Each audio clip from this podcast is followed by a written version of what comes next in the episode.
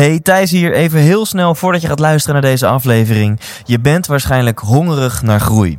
Je bent waarschijnlijk op zoek naar meer uit het leven. En ik kan je vertellen, dan ga je het enorm naar je zin hebben tijdens de 100% Inspiratieshow. Dit is een combinatie van een seminar waarin je veel gaat leren over geluk en een avondje uit waarin je vooral gaat lachen en het naar je zin hebt. Oftewel, je gaat ontdekken hoe je nog gelukkiger kunt worden en dat verpakt in een hele hoop entertainment. Kaarten, die kun je kopen op thijslindhout.nl. Alle vorige shows waren volledig uitverkocht, dus als ik jou was, zou ik er snel bij zijn. Heb je zin in een avond uit, vol inspiratie? Neem je partner, je collega's, je vrienden en vriendinnen mee en koop nu je tickets op thijslindhout.nl. Hey, David de Kok hier. Je luistert naar de 100% Inspiratie podcast.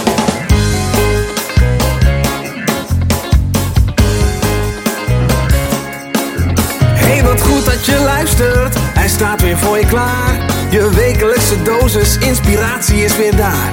De allerleukste gasten geven al hun kennis prijs. Met je veel te blije host, hij praat je bij. Zijn naam is Thijs. Thijs,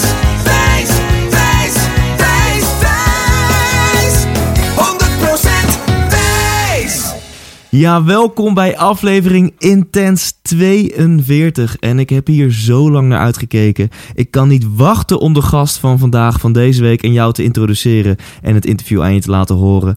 Ehm, ja, ik ben erg excited. Maar voordat ik dat ga doen, voordat ik hem ga introduceren, wil ik eventjes een klein beetje promotie doen. Want een aantal van de gasten die ik afgelopen tijd heb geïnterviewd, heb ik te danken aan een dame die ik heb ontmoet toen ik een tijd geleden een week lang doorbracht in een natuurhuisje. En de, de eigenaresse van dat eh, natuurhuisje, met haar raakte ik aan de praat en een leuk contact ontstond. En zij heeft mij geïntroduceerd bij een aantal van de gasten die ik de, de laatste weken heb geïnterviewd. En ik vind het leuk om ook wat terug voor haar te doen. Dus om even dat natuurhuisje in het zonnetje te zetten. eh, niet in de minste plaats, omdat ik daar ook gewoon een fantastische week heb gehad. En dat gun ik jou ook. Dus heb je behoefte aan aan even verbinding met de natuur, connectie met jezelf. eh, een weekje in de natuur. Heb je behoefte om op een hele bijzondere wijze te vergaderen op een prachtige locatie? Check dan eventjes buitenplaatselisabeth.nl. En op de website staat een plek waar werk en ontspanning samenvallen. De perfecte plaats voor werk en ontspanning. En dat kan ik alleen maar beamen. Dus check even buitenplaatselisabeth.nl. Dat ligt in Woudenberg, het midden van Nederland. Als je daar wilt vergaderen of een weekje in de natuur wilt doorbrengen. Dan, de gast van deze week is niemand minder dan David de Kok. En wellicht denk je, ja, die ken ik. Of wellicht denk je, hé, hey, die naam komt me bekend voor, maar wie was dat ook alweer? David de Kok is samen met zijn, eh, zijn goede vriend en partner, Ar oh, businesspartner, laten we dat even heel duidelijk hebben, eh, Arjan Vergeer, zijn zij samen oprichter van 365 dagen succesvol. En even in mijn woorden, dat zijn zo'n beetje de eindbazen in Nederland als het gaat om seminars, trainingen, eh, in hun geval een jaarprogramma over succesvol leven. En niet per se alleen maar succesvol in je carrière, maar echt succesvol leven. Hoe word je gelukkig? Hoe zorg je ervoor dat, eh, dat je het naar je zin hebt in het leven op, op alle gebieden? En ik heb enorm veel bewondering voor wat de- deze twee gasten bereiken. Ze zijn een aantal jaar bezig en vorig jaar al stonden ze in een uitverkocht Heineken Music Hall met hun tweedaagse superrelatie-event. En ehm, in dit interview komt nog een kleine primeur van ehm, een venue die ze mogelijk volgend jaar gaan, gaan aandoen. Ehm, nog even heel kort, meer dan duizend mensen zitten in hun jaarprogramma. Nou, ik ken zat trainers en sprekers op het gebied van persoonlijk leiderschap die moeite hebben om 10, 20 mensen in hun zaaltjes te krijgen. David en Arjan hebben gewoon meer dan duizend mensen in hun jaarprogramma. De landelijke media van SBS 6 tot RTL 4 tot landelijke kranten, radiostations, die staan in de rij om hun te interviewen.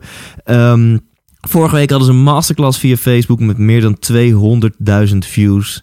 Nou, weet je, volgens mij heb je inmiddels wel door dat dit, eh, dat dit eindbazen zijn. En eh, daarom ga ik stoppen met nummers noemen en gewoon even vertellen waar wij het gaan over hebben in dit interview. Uiteraard heb ik heel, heel veel vragen voor David, omdat hij expert is op het gebied waar ik zo ontzettend gefascineerd over ben. Geluk en succes. Wat maakt nu dat sommige mensen gelukkig zijn en andere mensen niet? Dus daar gaat hij eh, heel veel tips over delen. Hij deelt wat concrete tips over hoe je een super relatie kunt hebben met jouw liefje. Hij vertelt over het turning point in zijn leven. Zo'n eh, zo'n kleine vijf jaar geleden. En ik, ik hield de tranen met moeite nog, eh, nog binnen. Ik ben benieuwd of jou dat ook lukt. Een intense moment in het interview. Ehm, hij geeft een klein primeurtje over de toekomst. En aan het einde van deze aflevering, voor de mensen die hem helemaal afluisteren, is nog een kleine verrassing. Ik kan nog echt minuten, uren doorgaan met, met je cliffhangertjes geven en zeggen: luister het nou gewoon af. Dit is een waanzinnig interview. Ga ik niet doen. Ga gewoon luisteren. Hier is, met grote eer introduceer ik hem, David de Kok. 100% wijs! Tegenover mij zit eh, de charmante David de Kok. Dank je. En ik heb, eh, ik heb echt zo'n 6 miljoen vragen voor jou om te stellen. Want ja, jij hebt zelf volgens mij ook wel een visie op, eh, op geluk en succes. En op een relatie en op het leven. Maar laten we gewoon eens bij jou beginnen. Wat wil je worden als je later groot bent? Ik wilde vroeger altijd Henny Huisman worden. Toen ik, Dat is niet helemaal gelukt. toen ik nog naar de Soundmix Show keek. Nou ja, dat zeg je. Maar er zat natuurlijk al wel iets in van dat ik graag... eh, en wat, ik, wat ik tof vond, wat hij deed vroeger, was dat hij met, met kinderen iets... eh, dat ging natuurlijk over de Soundmix Show. Dat hij... eh, of de Mini Peer Black Show, sorry. De Mini Peer Black Show. Dat hij, dat hij met, met, met kinderen gewoon toffe dingen en echt een avontuur aanging. En ik wilde natuurlijk in eerste instantie zelf in de Mini Peer Black Show, maar ik had er de guts niet voor. En, Ja. en toen dacht ik op een gegeven moment, nou, dan ga je dat dan presenteren. Dus dat ging ik op school ook doen. Dan ging ik dat soort dingen organiseren, zodat ik een podium creëerde om, eh, ja, om met mensen toffe dingen te doen. Om met mensen gelukkig te maken, Ja. in, in kleine zin. En eh, ja, als ik dat dan doortrek naar wat ik later zou willen worden, jeetje. Ik ben eigenlijk... Nou, mag ik je vraag challengen? Vind je dat... eh, Ja, absoluut. dat, ja, kom maar dat, door. nou, want die vraag wordt ook vaak kinderen gesteld. En die vraag wordt vaak gesteld van wat wil je worden? Maar eigenlijk is het helemaal niet zo interessant. Ik wil graag iets zijn. Want als je iets wil worden, dan heb je ook tegen jezelf eigenlijk gezegd van dat, dat hoe het nu is eigenlijk helemaal niet Ja, dat het nog niet af is of nog niet goed is. Terwijl ik ben juist heel erg aan het genieten van wat het nu allemaal is. Ja. En daarmee ontvouwt het zich meer dan dat het echt heel duidelijk iets is wat ik nog moet worden. Ja. Ik focus me eigenlijk veel meer over op, op dat ik het heel fijn vind waar ik ben. Hè. Dus, dus wie wil je zijn of wie ben je, vind ik een veel interessantere vraag dan wie wil je eh, worden. Maar goed. Ja. Dat, eh, Nou ja, ik, ik vind juist door dit soort antwoorden vind ik het heel interessant. Dat mhm. veel mensen die ik interview, die hebben al heel veel bereikt. En dan is het heel interessant om te vragen wat wil je worden als je later groot bent. Mm. En eh, wat jij net zegt, komt er ook redelijk vaak uit. Dus dat is wel leuk dat dat vaker wordt gezegd. Mhm. Als ik dat eens aan jou zou vragen, wie wil jij zijn? Nou, dat is min of meer dezelfde vraag natuurlijk. Van wie wil ik zijn? Eh, ik, ik, ik ben David de Kok en ik doe wat ik doe. En daar ervaar ik ontzettend veel vreugde eh, uit. Kijk, er was, toen ik hiermee begon... Nou, niet mee begon met leven, maar begon met eh 365 dagen succesvol avontuur. Was er niet een vacature die zei... Goh, wil je eh, één keer in de maand in een, eh, in een, op een grote locatie ergens en met mensen aan de slag. Daar was geen vacature Nee. voor. Dus, dus het, wat ik er zo tof aan vind, is dat het zich ja, along the way heeft gecreëerd. En daar zat wel een heel duidelijke drive achter, een heel duidelijk ehm, verlangen achter om, om, om zoiets ooit te gaan doen. Maar als dat dan, ja, als dat dan ook zo gebeurt, is dat wel echt heel erg tof. Ja. Dus ik wil heel graag, eh, ja, ik ben heel graag waar ik, eh, waar ik ben. En dit, dit zat blijkbaar op, bepaalde, op een bepaald niveau altijd al in je. Want je zei, ik wilde Henny Huisman worden. En Mhm. natuurlijk wilde hij niet Henny Huisman worden. Nee. Maar je wilde bepaalde elementen van wat hij deed. Ja. En dat was denk ik op een podium met mensen werken. eh, Misschien wel een stukje entertainen. Ja. Kun, je, ja, kun je die elementen eens benoemen? Ah, Zeg maar uit wat je als jongetje dan dacht, dat lijkt me echt leuk.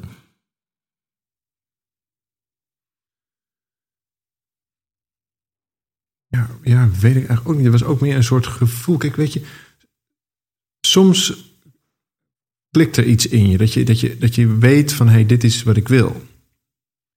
En ik, ik denk dat iedereen dat wel ergens in zijn leven heeft. Dat je, dat je voelt van, van wauw, dit, dit is het eigenlijk wel. Ik heb dat nu op een aantal plekken in mijn leven. Dat ik denk, ja, dit klopt heel goed. Dit klikt heel goed met, met hoe ik het eigenlijk ook maar weer onbewust bedacht had of zo. Ja, ja. En dat had ik ook toen ik als kind dan Henny Huisman zag. Dat, Ja. dat, ik, dat ik dacht, ja, ergens resoneert dit met mij. Ja. En wat dat dan precies is, weet je ook niet. Ja, en dan vervolgens vergeet je dat ook gewoon weer. Want dan ga je naar school en dan ga je studeren en dan ga je van alles en wat doen.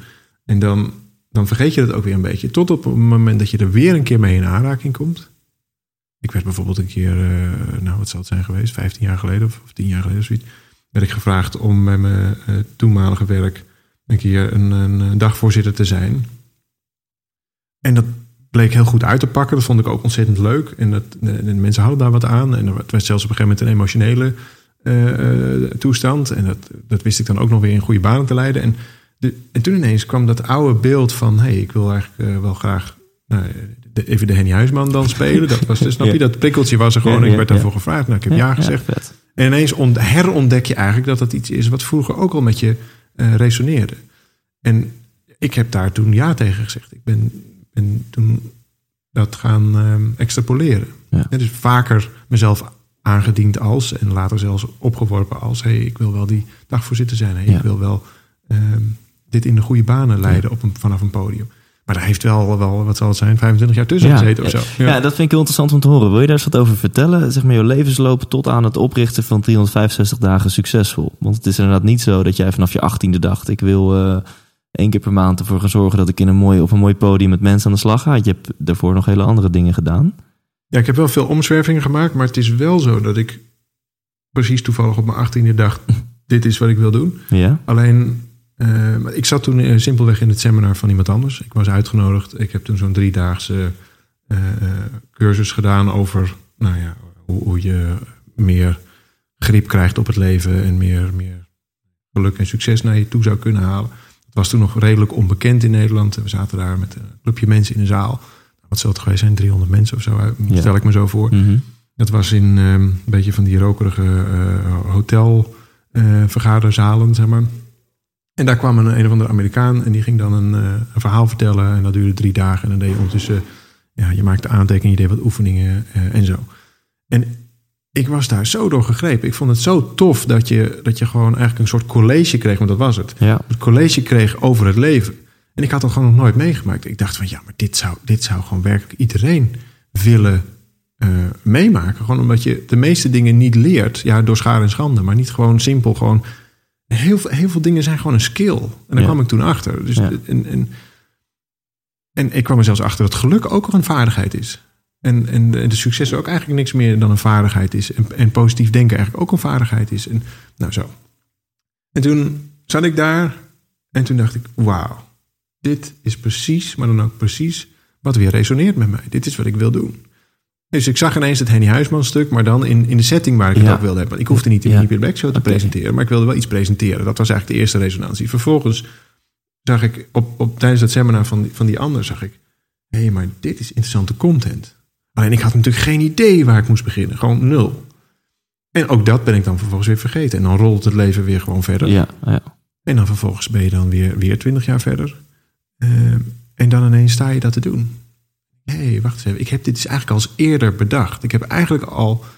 Ik hoorde dat gisteren toevallig iemand zeggen... Ik heb eigenlijk al de toekomst in mijn verleden geplaatst. Ik heb het eigenlijk al voor me gezien hoe het zou kunnen zijn. En vervolgens nou, is het eigenlijk al gebeurd. In ieder geval in mijn hoofd al een keer Ja, gebeurd. ja. En vervolgens ben ik het ook gewoon weer vergeten. Of daar in ieder geval geen... Ja, ik wist ook echt niet waar ik moest beginnen. Dus ik ben maar gewoon weer verder Ja. gegaan. Ja. En toen eh, zag ik mezelf twintig jaar later ineens staan. Dus hé, hey, wacht eens even. Nou sta ik zelf voor, voor groepen die inmiddels groter zijn Ja. eh, dan die aantallen. En, en sta ik gewoon dit te doen in mijn eigen vorm. Dus ehm, als we het nu hebben over, eh, over zeg maar live design. de- Mhm. Het resoneerde bij jou, het klikte. Ja, ja. En ineens klikte die Henny Huisman vorm toen jij als 18-jarige Exact. eh, ja. jongetje, mannetje in, een, in zo'n zaal zat met een Ja. En je zegt, ja, dat klikte wel, het resoneerde wel, maar het was niet dat daar een heel concreet live plan of vision board uitkwam. Je bent eerst nog andere dingen gaan doen en pas later, hè, toen je terugkeek, Ja. dacht je, hé, hey, Ja. dit wist ik eigenlijk vroeger. Ja, een van de dingen die, die hij toen zei, hij heette toevallig ook David. Eh, die zei, eh, dan zorg dat je altijd weet waar je over vijf jaar bent. En toen was ik 18, wist ik veel. Ja. Eh, en dat moest je dan in een soort visualisatie ook groter maken en, en, en, en voor je zien enzovoort. Dus tot zover had ik dat dan gedaan. Eh, en ik ben daarna gewoon weer aan het werk gegaan. Of in Ja. mijn geval, ik was nog aan het studeren zelfs. Dus Ja. ik ben gewoon, gewoon verder gaan met mijn studie. Ik, ik deed een, een opleiding eh, ge- gericht op theater en theaterproductie en, en dat soort dingen. Eh, dus ik ben dat gaan doen en dat vond ik ook heel leuk. kwam er al- alleen ook al vrij snel achter dat je daar nou niet per se eh, ook heel goede boterham in kan eh, verdienen. Ja. Was daar ook ondernemer in. Een aantal jaar eh, vormgeven aan evenementen en, en, theaterproducties en dat soort, dat soort dingen. Vooral op het bedrijfsleven gericht. En nou, dat liep wel, maar ik zag ook wel dat ik daar. Nou, dat ik eigenlijk een andere kant op, op wilde, wat meer de inhoud in. Vervolgens eh, terechtgekomen als partner bij een eh, marketingorganisatie. En, en daar heb ik ruim zes jaar gewerkt. Eh, ontzettend veel geleerd. Maar ook niet zo goed begrepen waarom ik daar nou eigenlijk terecht was gekomen. Mhm. Je zou kunnen zeggen, daar ben ik ingerold. Dat was via een kennis van me en ik kwam daar terecht. En eh, ik eindigde daar als algemeen directeur. En, en het bedrijf groeide ook heel hard. Dus Ja. ik kon ontzettend veel doen aan persoonlijke ontwikkeling. Omdat ik zag van ja, ik ben een hele jonge CEO daar.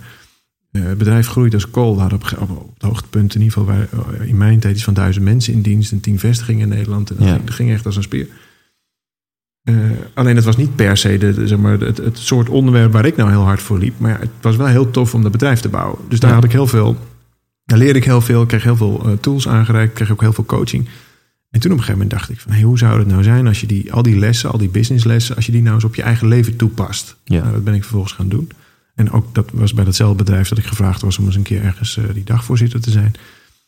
En, en toen kwam eigenlijk alles bij elkaar. Toen kwam ineens... hé, hey, wacht eens even. Ik snap iets van theaterproductie. Ik snap iets van marketing. Ik heb heel veel met persoonlijke ontwikkeling. En kun je je voorstellen, dan, dan kwamen ineens al die, al die dots kwamen zo Ja, bij elkaar. ja, Steve ja. Jobs heeft zo'n mooi, zo, zo mooi connecting the dots speech. Nou, dat, dat herkende ik enorm. Ik zag ineens terugkijkend, oh, dat was dus heel logisch dat ik die omzwerving heb gemaakt. Want ze komen nu keurig netjes bij elkaar. Nou, en als je dan ook nog eh geweldige businesspartner als Arjan Vergeer eh, mee mag nemen. Want we deden onder andere met z'n tweeën die, ehm, dat vorige, eh maar die werkten we allebei bij die marketingorganisatie. Dan, ja, dan, dan, is het ook nog eens heel leuk en, eh, en heel goed te doen. Ja. Ja, ja. En toen hebben jullie besloten, wij gaan Nederland het gelukkigste land ter wereld maken. ja, daar zat wel een wat triestere aanleiding aan. ging daar aan vooraf. Vertel. Eh, nou, het was namelijk zo dat Arjan had een, een, een, een nieuwe medewerker aangenomen... waar wij veel van, van verwachten. Ja. Om, vestiging, we hadden net een nieuwe vestiging in Rotterdam geopend. En toen ging... eh, nou, dan hadden we vacatures en Arjan had een, een geschikte jongen daarvoor gevonden. Jonge vent. Aangenomen en die zou gaan beginnen. En op een gegeven moment belt, eh, belt hij eh, Arjan op. En hij zegt, ja, ik denk dat ik niet voor je kan komen werken... want er is zojuist kanker bij mij geconstateerd. Hij had eh, botkanker in zijn pols, een hele zeldzame vorm. En Arjan belde mij op en, en die zegt: Joh, dit hebben we eigenlijk nog nooit meegemaakt. We hebben nou zoveel mensen in dienst gehad en, en zo, zo, ja, zoveel heftigheid. Wat, wat moeten we hiermee? Nou, ik heb geen idee, maar laten we hem, eh, laten we hem uitnodigen. En laten, we hem, laten we hem vragen om, eh, om langs te komen en dan, en dan gewoon met hem in gesprek te gaan en kijken wat hij nodig heeft. Daar gingen een paar maanden overheen. En toen stopte er op een gegeven moment een, een taxi voor de deur. We hadden een afspraak met hem gemaakt. En, ehm, en ik, ik had verwacht dat het een, een, dat het een lastig gesprek zou worden. Want ik kan je voorstellen, een jonge vent inmiddels al eh, behoorlijk aan de behandeling. Zo. En ehm, ik had zelfs nog, dat weet ik nog goed, ik had Sylvie, eh, onze assistent toen, had ik gevraagd om een, eh, een doosje tissues in de vergaderzaal laten zetten. Ik denk, ja, weet ik veel hoe je dat moet doen. En die taxi die stopt. En hij stapt daaruit. En er stapt een kale vent. Hij was inmiddels al behoorlijk aan de behandeling. Een kale man met een gouden ketting, een dollarteken en een, en een groen glimmend Aussie trainingspak uit. en hij zegt, ik ben Jip Keizer. Ik heb altijd al een keer gabber willen zijn. Buitenkansje. En toen wist ik, dit wordt helemaal geen, geen, geen vervelend gesprek. Dit wordt heel bijzonder. En dat werd het ook echt. Wauw. Nou, lang verhaal kort. We hebben een hele dierbare vriendschap opgebouwd. En eigenlijk heeft hij mij toen, toen laten inzien, ook letterlijk ook gevraagd. Van, joh, stel nou dat het jou zou overkomen. Zou je dan doorgaan met wat je nu doet? En het antwoord Zo. was nee. En dat deed hij trouwens ook. Hij is ook bij ons gestopt toen. We hadden hem zelfs nog een contract voor onbepaalde tijd aangeboden. En toen zei hij, ja, dat is allemaal heel leuk. Maar als je, nog maar, als je weet dat je weinig tijd hebt. Als je weet dat je tijd het meest kostbare bezit is. Ga je je keuzes heel anders maken. Hij ging zo ver door te zeggen: iedereen is terminaal. We gaan namelijk allemaal een keer dood. Alleen hopelijk duurt het bij jullie nog wat langer. En dat heeft mij toen zo ongelooflijk geraakt. En het meest frappant is, daar heb ik toen nog niet eens zo heel veel mee gedaan. Het heeft me wel geraakt. Ik ben toen met Jip, eh, nou, die ging er wel een paar jaar overheen, maar er is een hele dierbare vriendschap uit ontstaan. En op een gegeven moment ging Jip ook, ook podia betreden. Nou, ik, zoals ik eerder zei, daar had ik ook wel enige affiniteit mee. Dus wij gingen op een gegeven moment samen podia's betreden. En, en we begonnen seminars te geven over, hey, wat nou als je iets overkomt? Hè? Hoe ga je om met tegenslagen? Hoe ga je om met, met de tijd die je wel hebt? Enzovoort. Dat was waanzinnig bijzonder. En op 28 februari 2012 overlijdt Jip aan de gevolgen van, uh, van botkanker. En daar was ik bij. De, ja, een paar van zijn beste vrienden en, zijn ouders en zijn, zijn broer. De broers, ja, we hielden hem vast. En hij liet zichzelf gaan. En, en, hij overleed in onze handen. En uh, als ik het me goed herinner, Steve die met een glimlach op zijn gezicht. Alsof hij alsof die wilde zeggen van wauw, weet je, ik heb, ik heb misschien niet heel lang geleefd, maar ik heb wel alles eruit gehaald. Hij zei nog vlak voor zijn dood van joh, ik had een bucketlist. Ik had honderd dingen die ik wilde doen. En ze zijn ook echt allemaal gebeurd. Tijd is het meest kostbare bezit wat je hebt. En hij had mij gevraagd of ik zijn laatste woord wilde voorlezen op zijn begrafenis. Dat heb ik gedaan. Dat vond ik heel moeilijk. Uh, want ja, ik was daar ook hevig emotioneel over. Ja. En ik kom zo dat, uh, dat podium opgelopen en uh, ik open die, die brief. En ik zeg nog tegen die mensen van, joh, dit wordt waarschijnlijk voor huilen. Maar dan gaat die zakdoeken bij de hand. En er komt een soort Obama in mij boven. Er wordt een soort, soort, ik word een soort Obama. Uh, want het is echt fantastisch om te doen. Ik, het werd heel groot, want het was alsof hij het zelf voorlas. Hij had zoiets waanzinnigs geschreven. Hij zei namelijk: sterf niet met me mee, want dan heb je er niks van begrepen. We gaan allemaal een keer dood. En dan zou je me postuum nog heel verdrietig maken ook. Sterf niet met me mee, rouw niet, maar doe er iets mee. Gebruik die energie, die misschien wel woede of frustratie of wat je ook maar voelt of verdriet, maar doe er iets mee. Transformeer dat naar actie. En by the way, schrijf dat even op een, op een postkaart. En als je dan zover bent, stuur dat dan even naar mijn ouders. Want dan hebben zij ook nog het idee dat. Hè, enzovoort. Wow. Inmiddels zijn er dus duizenden kaarten al bij zijn ouders terechtgekomen. En Arjan en ik hebben elkaar toen aangekeken. Arjan zat in de zaal. En na afloop was er een waanzinnig feest. Ik heb zijn vader zien dansen op, op, de, op de begrafenis van zijn eigen zoon. Nou, dan heb je het echt goed geregisseerd. Hè? Zo. Nou, Arjan en ik keken elkaar aan en we hebben toen gezegd... we gaan dit naar het centrum van onze agenda's brengen. Want we hadden wel alle, allebei de wens... we hadden allebei wel het verlangen om iets te gaan doen met nou ja, wat we dan nu doen. Maar wel, het begint vaak als bijzaak. Het begint vaak als... oké, dan kijken we of we op de maandagavond... met een groepje mensen Ja. dat kunnen gaan doen. Ja. En toen hebben we gezegd: nee, tijd is het meest kostbare wat je hebt. En wij gaan dit naar het centrum van onze agenda brengen. En we gaan gewoon kijken hoe ver we die bal kunnen schoppen. Want we hebben wel degelijk een idee hoe dit zou, zou moeten. We hebben wel degelijk een plan. En we gaan dat niet meer verrommelen. En toen hebben we gekozen voor focus. En het is echt dankzij Jip dat, dat we door hebben gekregen dat dit, ehm, ja, dat dit niet alleen maar een. een, een nou, nou, anders gezegd, het is gewoon belangrijk. Het is belangrijk voor ons. Omdat dit is wat we het liefste doen. Ja, en als dat dan ook nog een beetje lukt, is dat natuurlijk echt heel erg tof. Ja. Dus ja, we hebben gewoon een hele, hele stevige schop onder de reet gehad, Ja. eigenlijk. Als je, het zo, als je het zo wil zien. Ja. Bedankt trouwens voor het delen van dit verhaal. Echt, Cool. echt waanzinnig. Mm. En ehm, toen jullie gezegd, dit wordt het centrum van onze agenda. Ja, Oftewel, je hebt alles stopgezet wat je deed. Je, hebt, je hebt je, jullie hebben je banen opgezegd. Sterker nog, we hebben eh, banen opgezegd. We hebben zelfs, eh, ja, hoe moet je het zeggen, relaties anders, anders ingericht daarvoor. We hebben eh, risico's genomen, financiële risico's genomen. We hebben echt alles opgeschoven om dit te kunnen doen. Want het, het, anders gaat het niet. Ja. Als je tenminste, wij geloven er heel erg in, als je een keus maakt, dat je niet alleen kiest voor iets, maar ook kiest voor de consequenties van iets. Ja. Dus als je kiest, oké, ik ga het in het centrum van mijn agenda brengen, kun je wel Ja. doen. Maar dan, dan heb je misschien heel veel tijd. Of heb je heel veel, ga je elkaar aan zitten kijken, whatever. Ja, maar we ja. hebben ook gezegd, oké, dan gaan we dus ook de consequenties daarvan doen. Dat betekent bijvoorbeeld dat we een aantal dingen, en, de meeste dingen, niet meer doen. En dat is voor, voor nou ja, vonden wij ook heel lastig. Dat zien we ook voor veel mensen dat dat heel lastig is. Dat je als je een keuze maakt, dat je daar dus ook automatisch voor heel veel dingen niet kiest. Ja. En volgens mij is dat wel onderdeel van, van, van het succes geweest. Dat we vooral heel veel niet hebben gedaan. Ja. Ja. En is, is dit tot op de dag van vandaag jullie kernboodschap? Eigenlijk iedereen is terminaal, tijd is je meest kostbare bezit, doe wat je leuk vindt? Nee hoor, maar nee, zeker niet. Het, het is alleen wel. eh, kijk, de mens komt naar mijn idee maar om twee redenen in actie. En dat is één is door verlangen en de tweede is door pijn. Maar het is niet in die verhouding. Want namelijk als er pijn is, kom je hoe dan ook in actie. Want je wil namelijk pijn vermijden, logischerwijs. Je wil, Ja. wil dat niet hebben. Je wil die stress niet hebben. Je wil dat ongeluk niet hebben. Dus het overwinnen van die pijn en het overwinnen van het ongeluk. Dat maakt je al voor een groot deel gelukkig. Dat maakt je al dat je voorspoed ervaart.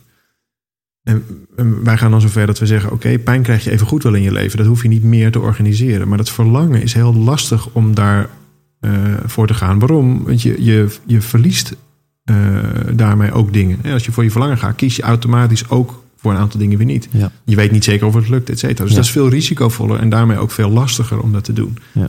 En wij combineren eigenlijk die twee dingen. Dus door, door te weten waar je heen wil, krijgt pijn ineens een hele functionele Ja. plek in, in je leven. Snap je dat? Dus als, je, als je weet waar je heen wil, nou, bijvoorbeeld wij zeggen wij maken van Nederland het gelukkigste land. En dan is het ineens handig om, om je te beseffen, oh wacht even, je tijd raakt op. Dus laten we het dan ook nu doen. En dan is die pijn van, het dan zo, zo, zo, zo bouwt, we willen stellen van we zijn allemaal terminaal, heeft ineens een functie gekregen. Ja.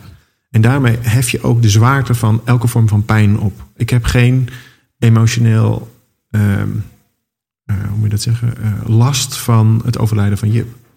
Sterker nog, ik heb daar heel veel liefde voor. Omdat ik namelijk liefde heb voor die realiteit. Het is zo gebeurd. En dat Ja. zie ik eigenlijk met iedereen om hem heen. Eh, we vieren nog steeds zijn verjaardag. We vieren nog steeds, of wij noemen het dan nu zijn geboortedag. Mhm. En, en we vieren nog steeds zijn sterfdag. En dan komt die familie en, en, en die nauwe vrienden eh, komen bij elkaar. En als ik dan naar die mensen kijk, ze zijn allemaal stuk voor stuk zo bijzonder geworden. En ze zijn zo, zo opgestaan. Ze zijn zo gelukkig. En ze zijn Wow. zo bezig met het leven. Het is zo'n ongelooflijk bijzondere club. Dat, dat niemand heeft daar rouw van. Iedereen die houdt daarvan. En natuurlijk hadden we hem liever bij ons gehad. Ja. Alleen dat is niet de realiteit. Dus we zijn niet in gevecht met die realiteit. We zijn er juist wat mee gaan doen. Snap je? Dus die Ja. pijn die heeft een functie gekregen. Ja. En daarmee is het precies goed zoals het is. Dat vind ik een mooie zin. Als je een plan hebt voor je leven, dan krijgt pijn ineens een functie. Ja, en dat is geen uitgelijnd plan. Dat is helemaal niet dat we precies weten van... oké, deze stap moet er nu en deze stap moet er nu. Maar het is wel een richting. Dus als je, als je... Nou, we hebben dan gekozen Nederland het gelukkigste land. En daarmee kun je dus heel goed je keuzes uitlijnen op dat plan, op dat idee. En dat betekent ook, dus als er dus een tegenslag is of er is pijn... dan weet je, hey, ik ga toch in beweging komen... want die pijn wil ik niet hebben. En dan kun je dus kiezen welke richting je dan op beweegt. Ja.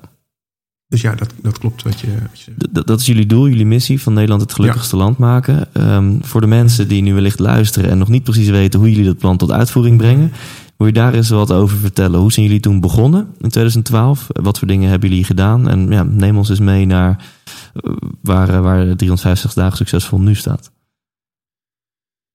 We zijn begonnen met het eh, opschrijven van een methode. Ik was met Jip al een, een aantal jaar bezig om, ehm, om dat te ontdekken. Ja. Dat, dat, dat is eigenlijk een samenraapsel van een aantal filosofieën en theorieën. Eh, voornamelijk uit de, uit de business coaching en de nou, toegankelijke spiritualiteit. En dat zijn we gaan, gaan opschrijven. Het helpt goed als je een, een bepaalde methode of een bepaalde manier van doen, als je dat opschrijft, omdat je daarmee ook heel goed leert of het wel overdraagbaar is of niet. Dus daar hebben we flink wat tijd in, in gestoken. En dat, eh, dat zijn we gaan doen eigenlijk direct na het overlijden van Jip.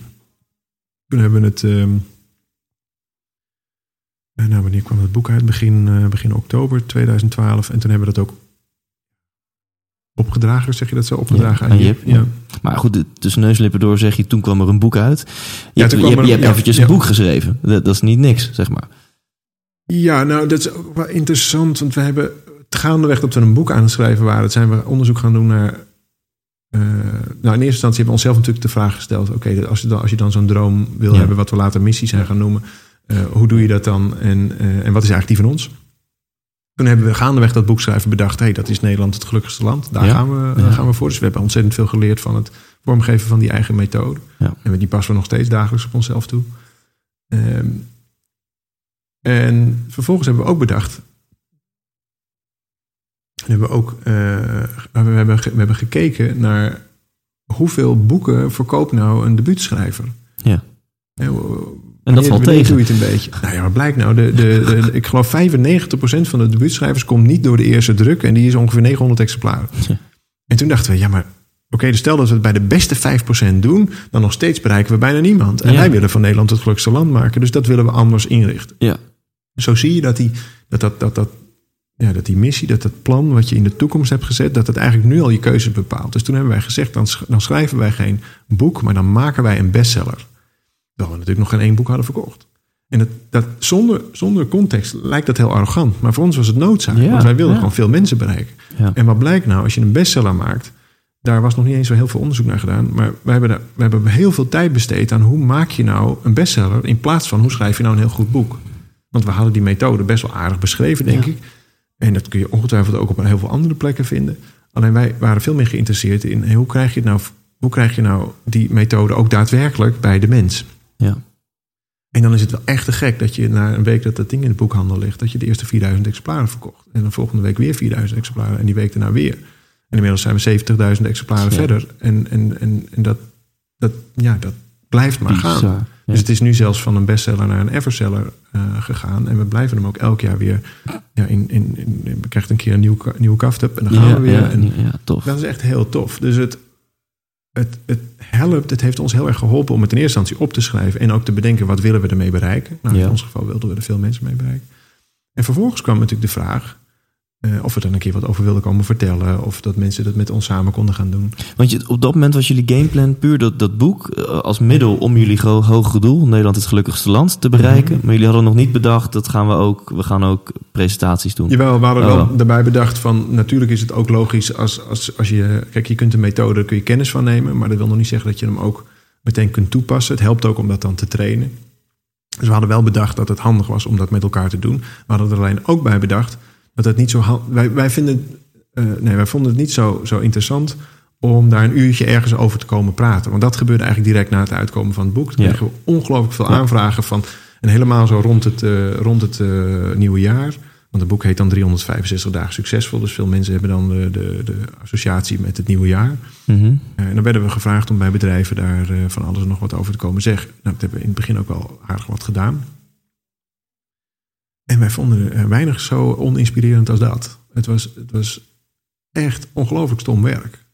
Voor ons, daar kwamen we Mhm. achter. Omdat je ja. namelijk, ja, je zit in een soort one-off. Dus je komt ergens binnen. Dan klik je je powerpointje open. Dan ben je een uurtje eh, het laken aan het opschudden ergens. Nou, meestal viel het ook wel aardig. En dan, eh, en dan mag je een rekening. En dan best wel, ja, sprekers blijken best wel goed betaald te worden. Dat was voor ons ook wel een, eh, Ja. een ontdekking. En dan gingen we weer, weer weg. Dus voor je het weet heb je een nieuw soort broodwinning verzonnen of gevonden. Waar je eigenlijk ook weer niet per se heel gelukkig van wordt. Want dat was ook een beetje, ja, ik vond het ook altijd een beetje treurig. Dan, dan, dan, dan kom je daar als anonieme eh, spreker. Dan zijn mensen best enthousiast. En dan een week later krijgen ze gewoon weer een nieuwe anonieme spreker voorgeschoteld. En ik kon nooit zien of het nou echt iets met die mensen had gedaan. En ik Ja. geloof eerlijk gezegd dat als je echte resultaten wil, dat je dan een uurtje niet genoeg hebt. Nee. Dus toen hebben we elkaar aangekeken en toen zeiden we van ja, wacht eens even, we, we willen eigenlijk echte resultaten. En, en, en toen is ons jaarprogramma ontstaan. Ja. Dat we met mensen niet een uur werken, maar gewoon een jaar lang werken. Ja. En dat doen we nu eh, dit jaar eh, voor het vijfde jaar. Die resultaten van die mensen ziet ook jaren daarna nog. Ja, dat, is, dat is echt transformatie. En daar word ik heel gelukkig van. Van Ja. echte resultaten. Ja, daar wil ik zo inhoudelijk op ingaan. Ik vind het leuk om twee dingen even aan te, te stippen. Eerst wat in me opkomt is, uit jouw verhaal blijkt zo duidelijk het bewijs dat missie geeft richting. Ja. Door die missie hebben jullie jezelf intelligentere vragen gesteld van, wacht eens eventjes, we willen niet 900 exemplaren.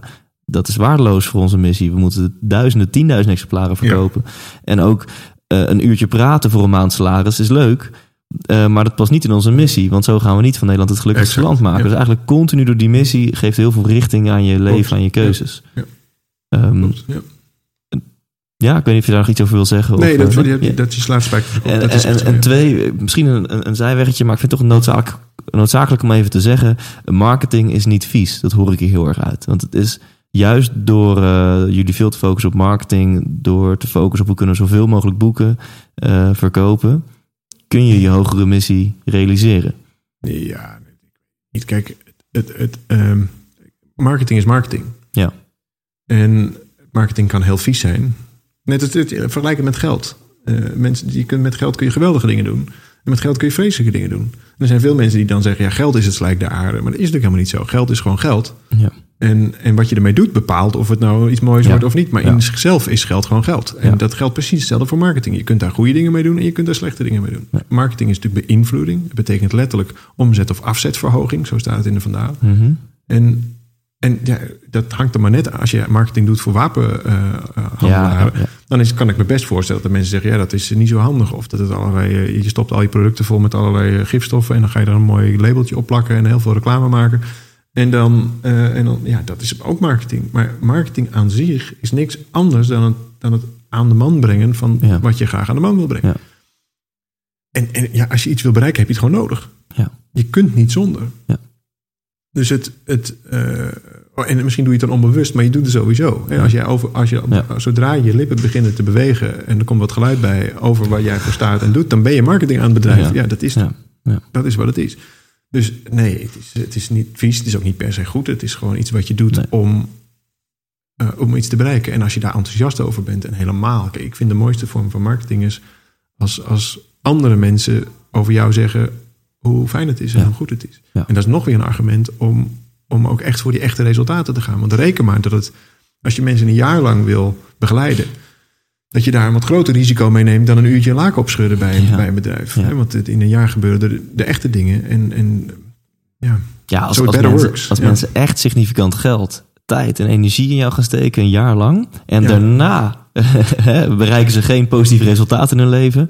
nee, Ja, dan, dan, eh, is het heel moeilijk om daarna weer een nieuw jaarprogramma Ja. te vullen. Ja, zeker. Ja. Nou, bij jullie gaat het geloof ik de andere kant op. Wil je eens wat vertellen? Ehm, misschien kan je iets delen over jullie methode. Je hebt nu een paar keer gezegd, hè, we hebben een methode ontwikkeld, staat in het boek. Eh, dat, dat passen jullie in het jaarprogramma toe. Kun je daar eens wat over vertellen? Ja, de methode is een, eh, bestaat uit 13 stappen. Elke vier weken één stap. En dan kom je op 52 weken en daarmee een jaar. Dus als je elk, elke vier weken je focust op één onderdeel richting jouw persoonlijk geluk, je persoonlijk eh, succes, wat het voor jou ook maar is. Dan zul je merken dat het, dat het, dat het heel veel vorm krijgt. Wat namelijk veel mensen vergeten is dat tijd de belangrijkste factor is. Niet alleen eh, het meest schaarste en meest bijzondere wat je hebt, maar ook het, het meest ehm, krachtige instrument. Het meest krachtige ingrediënt. Namelijk, tijd zorgt ervoor dat dingen ook echt kunnen ontstaan. Dus er zijn, naar mijn idee, veel te veel, en in deze tijd zeker, mensen die verwachten van: oké, ik heb een idee, of ik heb een droom, of ik heb een plan. En wanneer, waarom is het er nog niet? Ik wil de volgende week dat het er is. Of Ja. eh, eigenlijk erger nog, het had er al moeten zijn. Ja, We leven in een best wel vluchtige tijd. En wat wij mensen leren is dat als je juist als je je zaadjes goed plant, als je het water geeft, als je de tijd geeft, als je daar zorgvuldig mee omgaat, als je daar met liefde mee omgaat, dat er eigenlijk veel mooiere dingen uit ontstaan dan je van tevoren had kunnen verwachten. Dus juist werken met die tijd en daarom dus ook een jaar. Mensen onderschatten enorm wat je, wat je, eh, wat je kunt bereiken. Maar ze overschatten heel erg wat je kunt bereiken in een korte tijd. ja, Ja. Dus mensen overschatten wat ze kunnen bereiken in een week, maar ze onderschatten wat ze kunnen bereiken in een jaar. ja. Eh, en je vroeg over de methode. Ja. Het was een beetje Dus afgedwaald. sorry. we weggetje naar tijd. Nee, ja. Ehm, Ja, nee, de methode bestaat uit Ja. 13 stappen. En, en, en elke, elke stap bouwt weer voor op een, eh, voort op een volgende stap. En aan het eind van het jaar, dat is dan het eh, stap, stap, stap 13, dan, dan, dan gaat het over vieren en delen. En dus je hebt, je hebt iets overwonnen, je hebt iets bereikt, je hebt iets neergezet. En dat ga je dan vervolgens ook delen met de wereld. Ja. Eh, dat kan je succes zijn, dat kan je verhaal zijn, maar dat kan ook simpel echt een feestje zijn Ja. om het te vieren. En, en dat is dan ook automatisch weer oud en nieuw. Dus we werken ook met de, met de Ja. seizoenen mee, want dat is oud en nieuw. En wat doe je met oud en nieuw? En zeker op, op nieuwjaarsdag, dan heb je het over je goede voornemens. En dan ben je eigenlijk weer bij stap 1 uitgekomen. En stap 1 is bij ons verlangen. Waar verlang je naar? Een goed voornemen is eigenlijk niks anders dan waar verlang ik komend Ja. jaar naar. En zo werken we eigenlijk met de seizoenen, zo werken we met de rituelen die al in het jaar eh, zitten. En ehm, ja, en, en, en dat is basically eh, de methode. En alleen al die vraag anders stellen, hè, dat, doet, dat doet met mijn emotie al zoveel anders. Als je mij vraagt, hey Thijs, wat zijn je goede voornemens? Ja. Dan, eh, of als je mij vraagt, hey Thijs, waar verlang je naar? Ja. Dat, dat, Nou, het is iets interessants met die, met die goede voornemens. Ik had daar toevallig laatst ook op televisie iets over, over gezegd. Ik had alleen het idee dat het niet zo goed begrepen werd. Dat Nou, betekent dat ik het niet eens. zo goed heb uitgelegd. maar eh, dat ging over waarom komen de goede voornemens niet uit? En dat is wel interessant waarom dat zo is, in mijn visie in ieder geval. Omdat goede voornemens namelijk gebaseerd zijn op slechte gewoontes. Veel mensen die maken van een slechte gewoonte Ja. en vervolgens een goed voornemen om te stoppen met dat slechte gedrag. En daarmee wijs je jezelf af. Dus dan zeg je eigenlijk tegen jezelf: Ja. Ik ben niet goed zoals ik ben. Ja. En dat houdt geen mens vol. wauw. En, en dus komen die goede voornemens niet uit. En wij hebben dat vertaald naar dat je bent helemaal perfect zoals je bent. So if you smoke, keep on smoking. Just love it. Maar op het moment dat je er niet meer van geniet, op het moment dat je weet van hé, hey, wacht even. Ik, ik weet eigenlijk dat dit niet goed Ik voel dat het niet goed voor me is. Ik voel dat ik het eigenlijk anders wil. Dan heb je ineens een verlangen te pakken. En dan ga je dus niet wachten omdat het 1 januari Ja. is. Want dan ben je een slechte dag aan het afstraffen. Maar dan ben je gewoon op dat moment aan het kijken... hoe kan ik ervoor zorgen dat ik nou, met mijn verslaving aan de slag ga? Hoe kan Ja. ik ervoor zorgen dat er iets nieuws voor in de plaats komt te staan? En dan heb je het over verlangen. En dan gaat het dus niet meer over ergens mee stoppen, maar gaat het altijd ergens over dat je iets wil ontwikkelen in jezelf. En precies dat stuk, dus je iets overwint, daar zit ook je geluk. En dat vind ik dus heel succesvol. Mensen die dingen overwinnen, dat zijn wat mij betreft succesvolle mensen. Ja, gaaf. Ik vind hem heel mooi. Je bent een goed voornemen zegt dus eigenlijk per definitie dat je misschien zeg je indirect tegen jezelf: ik ben niet goed zoals ik ben. Ja, je wijst jezelf af. Een goed, als je een goed voornemen voor jezelf maakt, en dat zeg ik niet dat iedereen dat doet, maar veel van die goede voornemens zijn vaak inderdaad. Afvallen, ik wil, wil, wil niet meer roken, ik ga nu eindelijk eens dit en dit doen. Ja. Daarmee zeg je eigenlijk, was een sukkel dat ik dit altijd heb gedaan. Ja. En dan wacht je ook nog eens mee tot 1 januari, wat niet per Ja. se het meest handige strategie is. Ja. En dus ja, daarmee wijs je jezelf af. En ehm, nou ja, wij, wij kiezen daar op een andere manier voor. Door te zeggen, oké, waar verlang je dan naar? Mhm. Hoe zou je willen dat het is vanuit... het is helemaal oké zoals het nu is en je wilt doorgroeien of je wil iets overwinnen. En dat lijkt hetzelfde, maar het is echt fundamenteel iets anders. En dan vervolgens begint het pas echt te werken als je ook stap 2 zet. Dus we werken eerst vier weken, in januari werken we vier weken aan... Wat is dat verlangen en hoe, hoe, hoe zet ik dat ook echt zo neer dat ik het voel? En ook hier weer tijd. Want je kunt het misschien nu meteen opschrijven, Ja. maar ga er maar eens vier weken lang elke Ja, dag een vet. paar minuten even aan besteden. En dan zul je merken dat het meer integreert, dat het een paar woorden gaan veranderen. En pas na vier weken, dan voel je en integreer je echt van, oké, maar ik verlang hier echt naar. Ja. Oké, geweldig. Ik verlang naar een superrelatie. Ik wil niet zomaar een relatie met mijn partner. Ik wil echt een hele bijzondere, diepgaande eh, relatie. En ik heb geen idee hoe ik daar moet komen. En ik weet ook niet hoe- wat ik daarvoor te doen heb. Maar ik weet wel dat ik dat heel graag wil. Stap 2 in die methodiek is noodzaak. Want dat is waar bij de meeste mensen ook de goede voornemens meteen weer stoppen. Want ja, je kunt het wel willen. Ja. Maar ja, dat betekent nog niet dat je ook echt iets gaat doen. Er worden legio fitnessabonnementen afgesloten in januari. Maar dat wil nog niet zeggen dat je er ook echt gaat. Ja. Daar is iets heel anders voor nodig. Als je kennis ergens van wil hebben, worden legio boeken gekocht over dat onderwerp. Maar dat wil nog niet zeggen dat jij hem leest. Nee. Dus je hebt iets te organiseren waardoor je ook noodzaak hebt. Waardoor je ritme maakt, dat is eigenlijk nog belangrijker, door er steeds mee bezig te gaan. Ja. Wij lossen dat dan op, wij vullen dat in door het programma.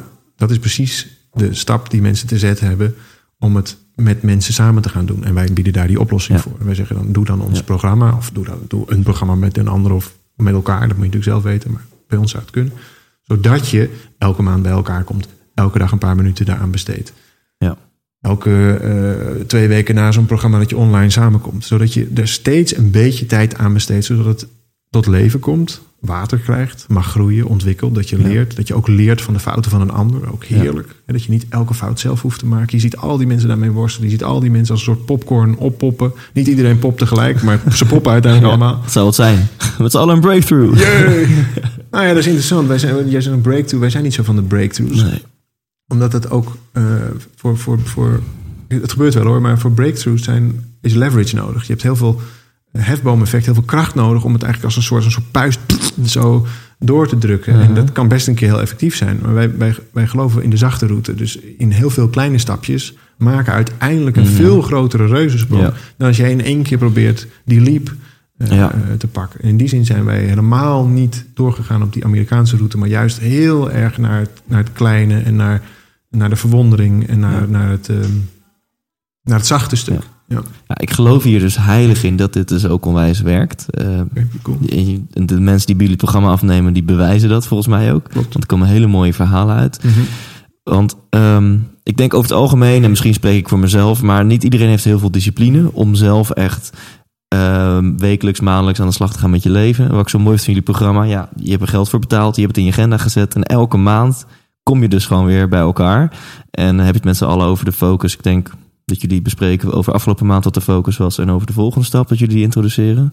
Zeker. En, Ja. en, en nee, ja, exact zo. En het is niet alleen elke maand. We hebben elke maand een live bijeenkomst. Maar je bent er elke dag even mee bezig. Het is een Ja. opleiding van een jaar. Ja. En, en daarmee krijg je dus elke maand zo'n soort college, eh, interactief Ja. oefensessie met elkaar. En, en, en leer er weer wat bij. En dan vervolgens heb je een maand implementatietijd. En precies hier ook weer die tijd. Die, die, want het is het enige wat telt. Is als het voor jou werkt. Je bewijst het aan jezelf. Het gaat er niet om of je mij leuk vindt. Het gaat ook niet om of je de stof Ja. interessant vindt of niet. Het gaat alleen maar om of je er wat aan hebt Ja. in je leven. Ja. Ik ben aan legio seminars van anderen geweest. Ik denk dus een beetje alles wat beweegt op dat gebied wel, wel probeer te zien in ieder geval. Mhm. En het meeste daarvan is echt verschrikkelijk saai, slecht. Niet om doorheen te komen. En ik leer er altijd iets van. Ja. En, en het enige wat wij proberen te doen is daar dan eh, een, een, een ehm, vorm bij te maken... waardoor het ook sprankelend is. Want jij gebruikt net het woord discipline. En ik denk dat het waar is dat veel mensen denken dat ze ergens discipline voor nodig hebben. En wij zeggen dan alleen als je discipline als uitgangspunt neemt om het te laten lukken, ben je op de verkeerde weg. Omdat het, om, je houdt het gewoon simpelweg niet vol. Ja. Discipline betekent letterlijk straffen. Hè? Disciplineren is Echt, straffen. joh. Ja. Ja, daar Oh, komt ja. het woord vandaan. Ja. En dat wil je niet, want dat is namelijk ook zelfafwijzing. Dat, dat zegt dan Ja. weer, ik Ja. ben niet goed zoals ik ben. Ja. Ik moet mezelf hè, disciplineren. Ik moet mezelf via discipline, dus via straf, moet ik mij naar een ander zijn brengen. En dan ben je dus alleen maar bezig, waar we het aan het begin over hadden, met wat je wil worden. Maar, maar heb het alleen maar over wie je wil zijn. En je wil gewoon een vredevol en innerlijk, innerlijk peaceful persoon zijn, die zichzelf manifesteert. Die dat uit kan dragen naar andere mensen. Daar zit je geluk. Nou, de meeste mensen die, die ervaren strijd in zichzelf. Nou, dan ga je discipline toevoegen. Dan, dan, dan wordt het alleen maar meer strijd. Ja. Dus wat wij zeggen, als je, het, als je discipline nodig hebt, dan heb je het in eerste instantie leuker te maken. En leuk hoeft niet, niet te zijn Ja. korte termijn geluk, maar leuker kan wel, het zit hem wel in de vorm. Dus wij zijn heel erg veel bezig met plezier als middel. Het is over het algemeen erg grappig. Het is, en dat is, heeft een functie. Het is soms buitengewoon grof. Dat heeft een functie.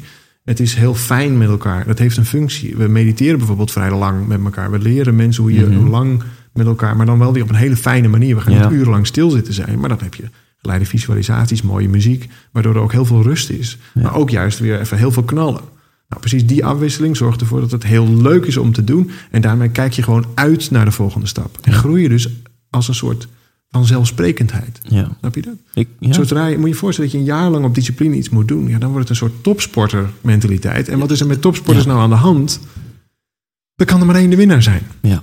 Ik denk wel dat je een bepaalde emotionele groei doormaakt. Hè? Zoals Tony Robbins ook vaak, vaak zegt, je hersenen is ook een muscle, is ook een spier. Dus je bent wel, als je elke keer eigenlijk ergens geen zin in hebt, maar het toch doet, ben je wel jezelf aan het trainen om, om, om, om eh, op het gebied van doorstingsvermogen en ergens doorheen te beuken. Maar ik denk niet dat het een hele duurzame energiebron is. Wij kiezen in ieder geval voor een ander. Ik ben het overigens met al- alles wat je daarvoor zei niet eens. Ehm Nou, Je hersenen zijn geen spier, om maar even Ja. wat te noemen. Nee, het ja, zijn zenuwen. cool dat je dat zegt. Nee, dat is gewoon ook niet zo. Het zijn zenuwen en, en, en het zijn neuroverbindingen en die Ja. werken op een hele andere manier. En het is, het, het is een overtuiging dat je die moet trainen als een, als een, als een spier. En dan heb je dus inderdaad een beetje. eh, kijk, ik heb heel veel respect voor wat de man doet, maar op het moment dat iemand gaat zeggen: All you gotta do is power en bla bla. je, ja, ik heb een manier gevonden die een stuk liefdevoller en een stuk leuker is. En dat ik er helemaal nergens Ja. doorheen hoef te beuken. En ik hoef ook niet van de ene breakthrough naar de andere. Dit is gewoon niet. Nou, het ontvouwt zich op een hele fijne, liefdevolle manier. Omdat ik mezelf erop afstem, me ervoor openstel. En omdat ik regelmatig stil ben. Nou, dat vind ik heel mooi aan, aan jullie visie, zienswijze. Mhm. dat, dat je dus net voornemens, hè, dat je dat weet, eigenlijk weet uit te pakken van ja, goede voornemens is eigenlijk gewoon een slap naar jezelf. Ja. En dat je nu ook met het woord discipline, Ja. dat je ook zegt, ja, dat is, ook- dat is ook niet lief naar jezelf. En Nee. dat is, dat is afstraffen. En eh, dus dat vind ik heel mooi hoe je dan zegt, ja, als je discipline nodig hebt, dan moet je het in eerste instantie gewoon leuker maken. Want toch? Zorg dat, je, ja zeker. Ja. En zorg, en, eh, de mens verandert het meest, en daar zijn Robbins en ik het gelukkig wel heel erg over eens. De mens verandert het meest als die verandert van omgeving. Ja. Je bent als het ware de dwarsdoorsnede van je omgeving. En als jij, dus in een, als jij jezelf ervaart als eh, nou, wat, eh, bijvoorbeeld arm of eh, minder energiek of iets dergelijks, kijk dan eens goed naar je omgeving en, en pak eens de tien mensen om je heen waar je de meeste tijd mee besteedt. Ja. Nou, dan zul je zien dat jij het gemiddelde vriend van die tien mensen. Ja. Je zult zien dat je de gemiddelde energie hebt van die tien mensen. En dat betekent dus dat je, je kunt die tien mensen gaan proberen te veranderen. Nou, ik weet niet of jou wel eens is gelukt, maar mensen veranderen is echt het moeilijkste wat er is. Ja. Je kunt jezelf gaan proberen te veranderen. Dat is bijna al onmogelijk, want dat, dat te doen dat je zonder zelfafwijzing. Ja. En helemaal als je in die omgeving blijft, precies. Dus wat werkt, is dat je jezelf... En je hoeft zelfs die, andere, die tien mensen niet af te wijzen. Je kunt gewoon meer tijd gaan besteden met tien nieuwe mensen. En nou, dat is ook weer precies de reden waarom wij zo geloven in het doen... eh, In het werken met grote groepen, omdat je daarmee automatisch in een setting komt waarbij je heel makkelijk tien nieuwe leuke mensen tegenkomt, Ja. waar je ook nieuwe verbindingen mee Ja. aangaat. En dus jezelf een nieuwe omgeving geeft. Ja. En dit is, hier- dit, ik heb het hier vaak over met mensen. En ik krijg dan vaak ook de concrete vraag. Ik ben heel benieuwd hoe jij daarover denkt. Dat ze dan denken, ja shit, ik heb naar die tien mensen. En ja, op bepaalde gebieden matcht dat totaal niet met, met hoe ik wil leven, hoe ik, wie ik wil zijn. Ehm, moet je dan gaan schrappen in je, in je vriendenbestand? Mhm. Hoe, wat is dan zeg maar, de concrete tip als je je, je omgeving wil aanpassen? Nou, eh, ook hier weer tijd. Ja, dit blijft het toverwoord. Ja, de tijd die je Ja. besteedt met, eh, met die mensen is de tijd die je dus niet kunt besteden met andere mensen. Dus als jij, je, hoeft, je, hoeft niet, eh, je hoeft ze niet te ontvrienden. Het mag wel, het is heel effectief. Maar ik zou dat een, een liefdevolle route geven. En dat, ik doe dat dus door heel, heel bewust te kiezen voor met jou besteed ik wel tijd en Ja. met jou besteed ik mijn tijd niet. Ja. En eh, de, ja, zeg maar, de tijd in de toekomst is nog niet gebeurd. Dus jij bepaalt aan wie jij jouw meest kostbare Ja. bezit geeft, namelijk je tijd. Ja. Dat is het enige namelijk wat opraakt. De rest kun je allemaal bijverdienen of kun je Ja. eerder kwijtraken of niet. Maar tijd is het, is het enige wat, waarvan je zeker weet, die paar minuten die ik nu eh, aan jou geef bijvoorbeeld, die, die komen aan het eind van mijn leven er niet automatisch bij. Ja. Dus ik vind het heel bijzonder dat we dit, deze tijd zo besteden. En dat, dat doe ik dan met veel aandacht. En nou zo. Nou, dat kan iedereen doen. Ja. Jij kunt kiezen aan wie jij jouw minuten geeft. Maar als de buurvrouw aanbelt en dan moet jij eh, koffie mee drinken voor jouw gevoel. Terwijl je eigenlijk voelt van ja, daar leer ik niks van. Daar heb ik eigenlijk niet zoveel aan. Mhm, mhm. Maar ja, het is een soort sociaal dingetje geworden. Want we doen het al tien jaar ja, zo. precies. Of oude schoolvrienden of noem het maar op. Dan geef jij dus je tijd weg. En dus je meest kostbare bezit. Want zo wil je het eigenlijk zien. Zou je die buurvrouw zomaar 10.000 euro geven? Als ze aanbelt even voor de koffie. Als je het even vergelijkt. Nee, dan is geen haar op je hoofd. Terwijl je tijd nog veel kostbaarder is. Ja. Nog veel kostbaarder is. Zo wil je er eigenlijk naar, naar, naar kijken. Vet. En ik ga nog een paar losse snippets vragen aan je stellen. Ik, ik wil ook wat weten over jullie toekomstplannen en zo. En, maar wat je net zegt, ik vind het heel leuk. De, de, ja, misschien mag ik het samenvatten als de wat, wat zachtere aanpak. Wat jullie in je jaarprogramma doen. Ja, zachte leerroute. Ja, en die eh, super effectief blijkt te zijn. Ik mag dat wel. En vorige week zat ik met wat vrienden. eh, hadden we een mastermind weekendje in, eh, in Leuven. En toen hadden we het hier met elkaar ook over van... Jeetje, wat moeten we veel van onszelf, hè? En we verlangden bijna naar van... Hoe lekker is het toch om gewoon postbode te zijn... en je hebt, je hebt geen telefoon, je hebt geen e-mailadres... en je komt gewoon thuis en je weet je wel... En ehm, het is natuurlijk niet waar dat we daar gelukkig van zouden worden. Maar Ik hoop dat er Eh, heel veel gelukkige postbodes zijn. nee, als, je daarvoor, nee, als je daarvoor nou, kiest. Ik zou zeker geen postbode willen afwijzen. Maar, maar ik ben blij dat ik het niet hoef te doen. Absoluut. Ik heb met Angela Groothuizen heel uitgebreid gefilosofeerd over gelukkige vuilnismannen en zo. Daar ge- geloof ik heilig in dat dat bestaat. Eh, alleen voor, voor ons niet. Maar ik weet niet goed welke vraag hier uitkomt. Maar kom ik vast wel op, al pratende. Hoe vind je misschien de, een middenweg tussen... Hè, als je ambitieus bent en je wil, eh, je wilt tot je volledige potentie komen... je wil veel mooie dingen doen in het leven... je wil misschien de beste versie van jezelf zijn of zo... Hoe vind je de middenweg tussen, tussen plannen maken en, en dus focus... en elke maand op een ander thema richten, zoals bij jullie... En soms ook gewoon loslaten en gewoon doen waar je zin in hebt en niet zoveel moeten van jezelf.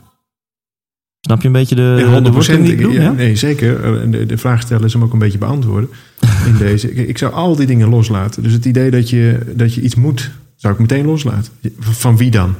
Ja. Van wie dan? Ja, van mezelf. Oh, maar wacht even, maar je wil het eigenlijk niet, want je moet het. Anders zou je zeggen, ik wil graag iets, dan ga je het doen. Dan komt de energie vandaan. Maar als je iets moet, dan wil je eens bedenken bij jezelf, van wie dan? En het is nooit jezelf. Je denkt dat jij dat, maar dat is niet zo. En als ik hem helemaal plat sla, dan is het eigenlijk altijd of van je vader of van je moeder. Hè, dus of van mannenenergie of van vrouwenenergie. Dat kunnen ook representanten zijn daarvan. Mhm. Of van God. Ja. Of van het universum of Allah of wie je er ook maar bij haalt. Dus Ja. het is of van het, ho- het hogere of van een man of van een vrouw. Ja. En als je daar eerlijk antwoord op geeft, dan kom je erachter. Oh, wacht even, ik doe, nog steeds, ben ik me steeds mijn vader aan het, Ja. aan het tevreden stellen. Of ik ben nog steeds mijn, mijn, mijn, mijn, eh, basisschoolleraar een, een hoog cijfer proberen te laten Ja. halen. Of ben mijn partner tevreden aan stellen Ja. of whatever. Ja. Want, want ja, het moest immers. Hè? Dus wij zeggen eigenlijk altijd als je iets, iets, iets moet, dan, ehm, ja, dan, dan, dan, eh, dan is dat vaak in het licht van, van iets of iemand anders. En, en je zei net nog even tussen neus en lippen door van, hè, van dan, eh, je moet dan de beste versie van, je, van jezelf zijn. En, en, en- waar vind je dan die middenweg? Je bent al de beste versie van jezelf. Dus ambitie in die zin is heel gevaarlijk omdat je dan steeds namelijk nog niet bent eh, waar, je, Ja. waar je... Want ja, zelfs sterker nog, als je er zelfs maar een beetje bij in de buurt komt... dan heb jij het alweer opgeschoven. Want ja, dan is er wel weer een betere Ja. versie en weer een Ja. betere versie. En daarmee ben je niet aan het laten ontvouwen... maar ben je eigenlijk structureel teleurgesteld over waar je, waar je nu bent. Want ja, je kunt altijd vooruit kijken. Dus wij draaien dat om, ook hier weer. Put your future in your past. Dus we, besluiten, de toekomst is al gebeurd. Dus toen wij vijf jaar geleden zeiden... oké, Nederland het gelukkigste land... Dat, dat zien wij voor ons toen we begonnen met die seminars. Wauw, hoe tof zou het zijn als we ons programma in de Heineken Music Hall kunnen geven. Hoe tof zou dat zijn? Wij hadden toen wel geteld 60 deelnemers in ons eerste jaarprogramma zitten. Maar we hebben het wel altijd zo voor ons gezien. En weet je wat? Dan hebben we ook gezegd, we doen dat in 2020. Put your future in your past. Dus we hebben, we hebben het voor ons gezien. In 2020 staan we met ons programma in Heineken Musical. En vervolgens hebben we het ook weer volledig losgelaten. Ja. We zijn gewoon met die 60 mensen aan de slag Ja. Niet omdat we... Ja. Want anders kom je elke keer zo'n zaaltje binnenlopen... en dan denk je, ja, dit is nog geen Heineken Musical. Want nee, we, willen- we vinden het helemaal te gek. We beginnen gewoon met die 60. Dat is helemaal, ook helemaal te gek. En vervolgens was het 2016. Zomer 2016. En toen hadden 2.500 mensen in Heineken Musical zitten twee dagen lang. Ja, super vet. En ik was daar zo emotioneel over. Want in één keer zag ik van... wow, het is niet alleen precies zo gegaan als ik me had voorgesteld... maar het is ook nog eens vier jaar eerder.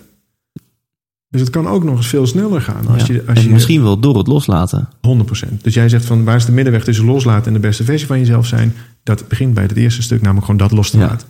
Want daarmee ben je vrij. Heerlijk. Ja. En ik geloof erin dat als je innerlijke vrede bereikt, dus niet meer Ja. in strijd bent met jezelf. En eigenlijk in strijd zijn met jezelf is in, strijd zijn met de gedachten die, jij, die je bestrijdt in je hoofd. En Ja. gedachten zijn er constant. Ik heb nog nooit iemand ontmoet die geen gedachten heeft. in ieder geval niet die ook nog kon praten. Dus het, ehm, en wat, je, wat, veel mensen aan het bevechten zijn, dat is, een, dat is hun eigen idee over de werkelijkheid. Ja. Wel, probeer, probeer die maar eens. Eh, eh, als een soort, moet je je voorstellen dat je een, een, zo'n strandbal probeert onder water te houden. Dat is een beetje wat je probeert te doen. Dat Ja. lukt natuurlijk helemaal niet. Ja. Dus laat dat los. Nou, en dan laat je eigenlijk de lucht uit die bal lopen en dan, Ja. dan lukt dat uitstekend. Dus je bent al de beste versie van jezelf.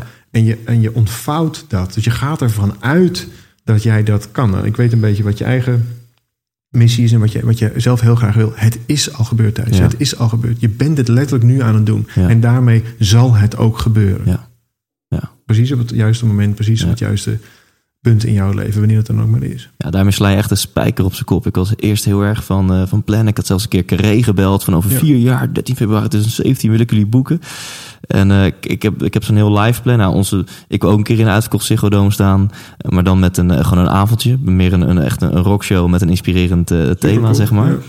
Ehm, en ik heb er een heel plan naartoe. En ik heb de, de, de jaartallen heb ik weggehaald. Dus ik weet de stappen, hoe ik daar wil komen. Ik sta ook open voor andere richtingen en andere stappen. Maar of het nou in een jaar lukt, in twee jaar, in vijf jaar, in tien jaar, heb ik losgelaten. Misschien als mensen het horen, herkennen ze dit. En vanaf het moment dat ik dat deed, voelde dat zo ontzettend goed. Ja, ik snap dat je dat zo. Ja, dat ik zie je bedenkelijk eh, kijken. Dus. Nee, ik nee, nee. Ik, zit, ik vraag me af of je. Kijk, als het zo is dat. Jij maakt die serie eh, podcast. Ja, En eh, daar, daar vraag je dan inspirerende sprekers bij. En ik kan me zo voorstellen dat dit al onderdeel is van de route naar de Ziggo Dome. ja, absoluut. En daarmee is het dus nu al Ja. aan de hand. Ja. Daarmee ben je nu al in de Ziggo Dome. Snap je? Snap je Ik, nou ja, ik hoorde... Ja, dus absoluut. your future in your past. Je, Ja. hebt, je hebt er al gestaan, namelijk in je hoofd. Ja, En daarmee is het al gebeurd. ja, En als dat voor jou voldoende is, als je daarmee het leven zeg maar compleet verklaart, je bent helemaal geweldig, want je hebt jezelf dat toegestaan, dan hoeft het zich alleen maar te ontvouwen. ja, En, en daarmee ben je vrij van dat moeten. Want anders dan heb je ineens allerlei, eh, ja, allerlei, allerlei- weer allerlei strijd om Ja. dat voor elkaar te krijgen. Ja. Nou is het wel zo dat wij, eh, wij doen er wel data aan. Dus wij zeggen wel, eh, in 2020 is het dit en in, nou ja, dat Mhm. werd dan 2016. En vervolgens maken we natuurlijk weer nieuwe plannen. En dat, dat is niet omdat dat moeten dingen zijn. Het zijn geen targets geworden, want daar krijg je stress van. Maar wat wij, waar wij heel erg in geloven is dat als je je problemen kunt zien aankomen, dat je daar een voordeel van hebt. Dus wij creëren Ja. onze eigen problemen. Ja, Eigenlijk zoals jij ze ook hebt gecreëerd. Jij zegt van ik, dat carré-ding, dat is het beeld wat ik heb, dat ga ik doen. Daarmee heb je een probleem gecreëerd. Want ja, dat is hartstikke leuk, maar dan kun je wel boeken en een hoop geld uitgeven, maar dan is er nog niemand. ja, En dan heb je ook bedacht, hé, wat ik dan eerst heb te doen, gok ik, is dat ik wat meer bekendheid heb te veroorzaken. En dus ga ik inspirerende mensen vragen achter in een podcast. Zo'n soort redenering Ja. zal het zijn, toch? absoluut. Dus je hebt jezelf eigenlijk een probleem cadeau gedaan. Namelijk je wil in carré staan. En dat probleem kun je zien aankomen. En dat kun je dus in stukjes knippen. En dan kun je daar een stukje van het probleem overwinnen. En daar is het precies je geluk. Dus ik hoop dat je nu al heel gelukkig wordt van Ja, carré. Ik hoop ja. dat je nu al heel gelukkig wordt van de Ziggo Dome. En daarmee heeft het zijn doel gediend. Ja, En het maakt ook nog eens de kans heel veel groter dat het ooit nog eens lukt ook. Nou, de meeste mensen draaien dit om. Die, die, die hebben eigenlijk helemaal niet zo'n echt plan. Krijgen ook tegenslagen in hun leven, krijgen ook problemen. Dat is vervolgens niet meer zo han- handig in stukjes te knippen. Want ja, het probleem heeft zich in één keer al aangediend. Want ja, ineens moest je in de Ziggo Dome staan. Maar ja, je had even geen plan. Je had ook Mhm. nog niet in stukjes kunnen knippen. Want ja, er gebeurt iets. Je wordt ontslagen of je, er overkomt je iets. Mhm. En dan ineens heb je geen handvatten meer om daar vorm aan te geven. ja, echt honderd keer aan me. Mooi. Daarover gesproken, Ja. hoe vet is het om in een uitverkochte HMH te staan? Ehm, dat is net zo vet als in je eigen woonkamer zes mensen eh, een, eh, een training geven. Ja, eerlijk gezegd, het, het verbaasde mij hoor. Want ik, ik dacht ook, oh ja, dat is te gek. Ik wilde ooit Henny Huisman worden. en nu sta ik in de, eh, in, in de Music Hall dat, dat te doen. En het deed me eerlijk gezegd heel erg weinig. Verrassend weinig. Omdat het, het is geen show wat we geven. Dus het is, het is, het Ja. is niet een, een, een, een script wat ik, wat ik afdraai en, en, en wat Arjan afdraait. En dan zijn we eh, twee dagen later, is het, is het goed of redelijk geweest? Nee, wij nemen mensen mee in een, in een, in een live plan. En, en we coachen mensen live on stage. En er gebeurt van alles. En, en het, het is daar twee dagen lang. In, in, in, dit specifieke seminar. Twee dagen achter elkaar. eh, daar gebeuren zulke waanzinnige dingen die wij van tevoren ook niet kunnen weten. Nee. En dat is natuurlijk heel te gek om dat voor een groot publiek te doen. Maar in feite werken wij gewoon met één iemand op Ja. een podium. Of met een paar mensen die we, waar we mee in gesprek zijn. Ja. En dat maakt niet uit of dat in je woonkamer is of dat dat in de Heineken Musical is. Het maakt wel uit voor je missie natuurlijk. Het maakt Ja. wel uit voor je, voor je plan. Maar het maakt niet uit voor mijn beleving. En dat maakt ook dat het... eh, anders zou ik het ook niet kunnen. Nee. Want dan, dan zou ik bezig zijn met, met, met, met de omvang en het volume. En daarmee gaat dat gaat denk ik de Ja, als je- kosten als van, jij- van, van de echtheid en, de, en het contact met die persoon. Als jij iemand op het podium aan het coachen bent en in je achterhoofd zeg je: Holy fuck, er zijn 2500 mensen staan hier in de zaal. En eh, nou, ik denk niet dat dat heel erg helpt. Nee, dat gaat niet helpen. Nee. Nee. Nee. En eh, nou, in lijn met jullie missie is misschien wel hoe groter, hoe beter. Eh, je zei net iets over een plan volgend jaar in een zekere venue ergens in Nederland. Kan je daar heel kort wat over vertellen? Nou ja, datzelfde weekend. We geven één keer per jaar een, een weekend over waarom de meeste relaties niet werken. En, en hoe je daar wel eh, invulling aan gaat geven. We noemen dat het superrelatieweekend.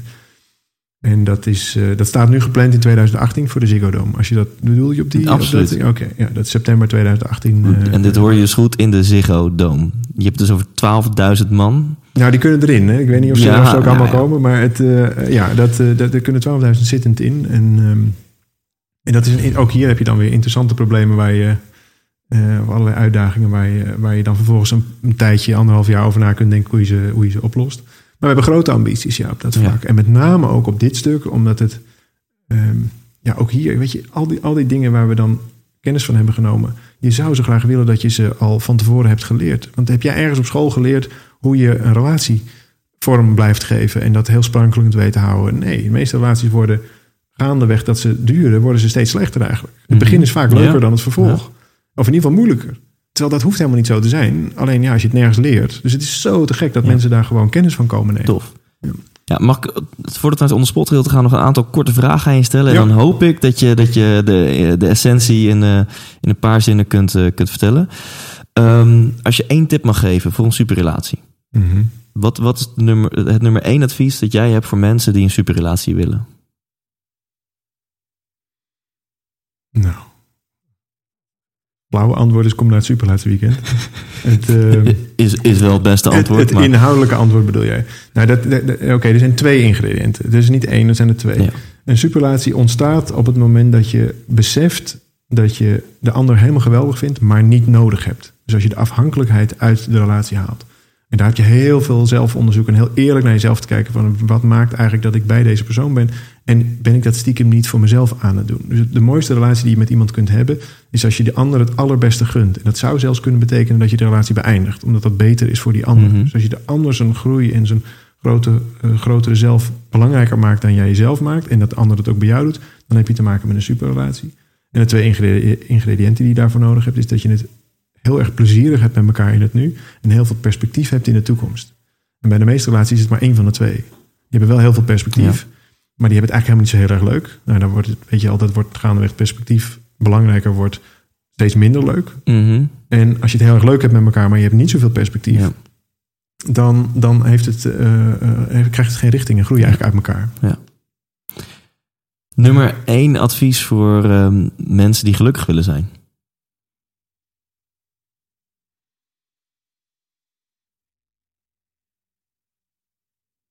Dus stel iemand luistert en denkt van ja, als ik nu me- mezelf en mijn leven een cijfer moet geven, haal ik de vijf en een half niet. Nou, er zijn. eh, nee, oké. Er zijn vier eh, eh, gebieden in je leven waarop je besluit of je gelukkig bent of niet. Mhm.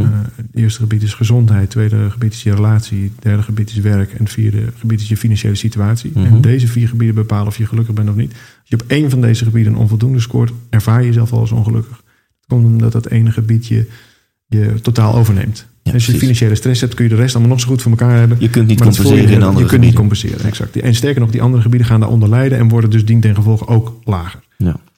Het nou, laten we zeggen, het, het- het belangrijkste tip of het belangrijkste ding waar je nu mee kunt beginnen, is dat het niet uitmaakt welk cijfer het is. Dus ook al als jij een 5,5 hebt nu in jouw voorbeeld, dan is dat gewoon een gegeven. Dat is dan nu de realiteit. Wat uitmaakt is dat je gaat zien hoe je, eh, hoe je wil dat het is. Dus als jij weet, het is nu een 5,5, maar dat accepteer ik gewoon, want ja, dat is hoe het nu is. Ik ben niet in gevecht met wat er is. Maar ik heb het verlangen om naar een 10 te komen. Dan is de enige volgende vraag: is, hoe ziet het er dan uit als het een 10 is? Dus ik heb een relatie, die is een 5,5. Ik geef maar even een willekeurig Mhm. voorbeeld. Ehm, nou ja, dan kun je heel erg die 5,5 bevechten. Waarom is het een 5,5 en jij Ja, niet en ik dat niet? Ja. Nee, je wil allebei naar een 10. Dat ga je eerst checken trouwens. Wil je partner, wil je Ja, ook naar een ja. 10 en wil jij ook naar, Ja, lijkt me een verstandig. 10? Oké, Ja. nou fijn. We willen allebei naar, wij noemen het dan superrelatie. Prima, we willen naar een superrelatie. Wat kunnen we dan doen om één stapje dichterbij te komen? Dus het maakt niet uit waar je vandaan komt. Het maakt niet uit wat er allemaal gebeurd is. Het maakt niet uit wat er allemaal in je verleden gebeurd is. Het maakt, uit, maakt allemaal niet uit. Het maakt niet uit met wie je nu allemaal bent. Het maakt alleen maar uit waar je wilt zijn. Ja. Want dat lijkt de toekomst, maar dat is niet de toekomst. Dat is nu. Zie je dat? Er is eigenlijk helemaal niet iets als een toekomst. Toekomst is iets bedacht in het nu. Ja, En daarom is het zo goed Ja. om wel te visualiseren. Daarom is het Ja. zo goed om wel te verlangen. Ja. Want dat is helemaal geen toekomst. Is niet programmeren van de toekomst. Dat is nu jouw emotionele state aanpassen. Ja. En dan ben je ineens een mogelijkheiddenker geworden in plaats van een tekortdenker. Ja, want wat ik hierin ook hoor is... steek niet je energie in het probleem... in hoe, hoe, Nee. hoe waardeloos je relatie nu is. Nee. Steek je energie in hoe je het wil hebben. Of in elk geval je gedachtes. Eh, ja, want daarmee manifesteert het zich meteen. Hè? Want Ja. als, je, als je kunt zien dat, het ook zo, dat je het zo graag wil hebben, dan, dan kun je keuzes maken. Kijk, kan gewoon vandaag al gebeuren, zeg maar. Als je, als je- op het moment dat je het bedenkt, is het nu gebeurd. Ja, ja, dan is het exactly. nu- nou, er is niks anders dan het nu. Dus er zijn heel veel mensen die zeggen, ja, je moet meer leven in het nu. En, en- maar het is, er is niks anders dan nu. Ja. Dus je denkt dat je de toekomst aan het maken bent, maar dat ben je nu aan het doen. En daarom is het zo fijn dat je, dat je... Ik vond het in ieder geval heel bevrijdend om te ontdekken... dat het niet uitmaakt waar je vandaan komt. Dat het niet uitmaakt wat er allemaal gebeurt. Dat het zelfs niet uitmaakt wie je nu bent... als je daar niet happy mee bent. Want het maakt alleen maar uit welk perspectief je hebt. Dat is het mooiste wat je hebt, want je hebt namelijk nog tijd. Zolang je nog tijd hebt, kun je aan perspectief werken. Ja. Maar blijkt nou, daar komt je geluk vandaan. Ja. Het overwinnen van je struggle is je geluk. Nou, en als je dan al heel gelukkig bent, dan veroorzaak je gewoon weer wat mooie struggles voor jezelf. Want dan begin je aan je missie. En dan begin je aan, aan, aan, het, aan het creëren van je eigen problemen op een positieve manier. Ja. Nou, veel mensen, en dat ook veel mensen in onze programma's, die hebben in eerste instantie nog wat problemen op te lossen om überhaupt weer vrij te kunnen denken, om überhaupt weer te kunnen dromen. Dat is, daarom trekken we daar ook zoveel tijd voor uit. Daar zijn we maanden mee bezig. En dan zul je merken dat die droom heel stevig wordt en groter wordt. Dan maakt het een hele mooie bocht naar, oh, ik, ik, ben, ben eigenlijk wel gewoon helemaal oké om een droom te hebben. Oh, ik heb wel een talent. Oh, ik ben eigenlijk heel waardevol enzovoort. En dan wordt het heel, heel leuk ja. van. Ja. Ik denk dat dit smaakt naar meer. Dus laten we zo meteen aan het einde eventjes jullie website en Facebookpagina noemen. Maar nu eerst om dit, dit super inspirerende en ook diepe interview eh, wat luchtiger af te sluiten. Mhm. Een aantal eh, leuke tegenstellingen. En aan jou om vanuit je intuïtie eh, te antwoorden. Oké. Klaar voor? Ja. TV of Netflix? Uh, allebei niet. Zonde van je tijd. Dom, dom om je hoofd te vullen met dingen die prefab zijn. Stad of dorp? Het hangt af waar je, waar je, Het hangt heel erg af wat je nodig. Ik denk dat je ze allebei, uh, allebei nodig hebt. En rust en ruimte en tegelijkertijd dynamiek en, en uh, inspiratie. Ja, dus precies ertussenin mag dat ook. Ja, mag allemaal. Vooruit dan. Gevoel of verstand? Sowieso gevoel. Als je er tussen moet kiezen, sowieso gevoel. Want dat is ja. namelijk wat telt. Je kunt heel verstandig hebben bedacht dat, het, dat je heel gelukkig zou moeten zijn. Maar als je dat niet voelt, ben je niet. Ja. Terwijl als je je heel gelukkig voelt en je hebt geen idee waarom, ben je het wel. Ja. Dus gevoel. Praten of luisteren? Eh. Ja, mooi hè. Vraag je dat aan mij? ik weet dat ik graag praat. En ik besef me dat uh, luisteren, en dan met name luisteren naar de stilte, dat dat het uh, misschien wel het werkelijk geheim is van, van de juiste keuzes maken. Ik, ik, hoorde ooit een voormalig president van Nederland zeggen, en ik ben vergeten wie het is, dat is jammer. Dat is echt jammer. Daar doe ik hem mee tekort. Maar die zei, als ik het over had mogen doen, dan had ik tenminste 20 minuten per dag stil geweest. Dan had ik andere keuzes gemaakt. Dan had ik wow. meer de stilte gezocht. Want ik heb zoveel keuzes in het moment moeten nemen. Terwijl als ik even stil was geweest, ja. had ik andere keuzes gemaakt. En dat heb ik echt te harte genomen. Door wow. elke dag stil te zijn. Want daarmee, daarmee voelen je keuzes als gedragen. In plaats ja. van als een beslissing. Oké, okay, doe dan maar dat. Oké, okay, doe dan maar dat. En dan rolt je leven zo'n beetje alle kanten op. Als een soort zakje in de wind. En, en als je echt even de stilte zoekt. Dus luisteren of, of, of praten. Dan zou ik echt zeggen. Zeker voor mensen zoals ik die veel praten. Zoek de stilte op en luister naar de stilte. Luister eigenlijk naar je gevoel. Mooi antwoord. Boek of podcast? Podcast? Bier of wijn? Ja, geen van beide. Ik zou uh, alcohol vernauwde geesten dat zou ik niet doen. Jong en onbezonnen of oud en wijs?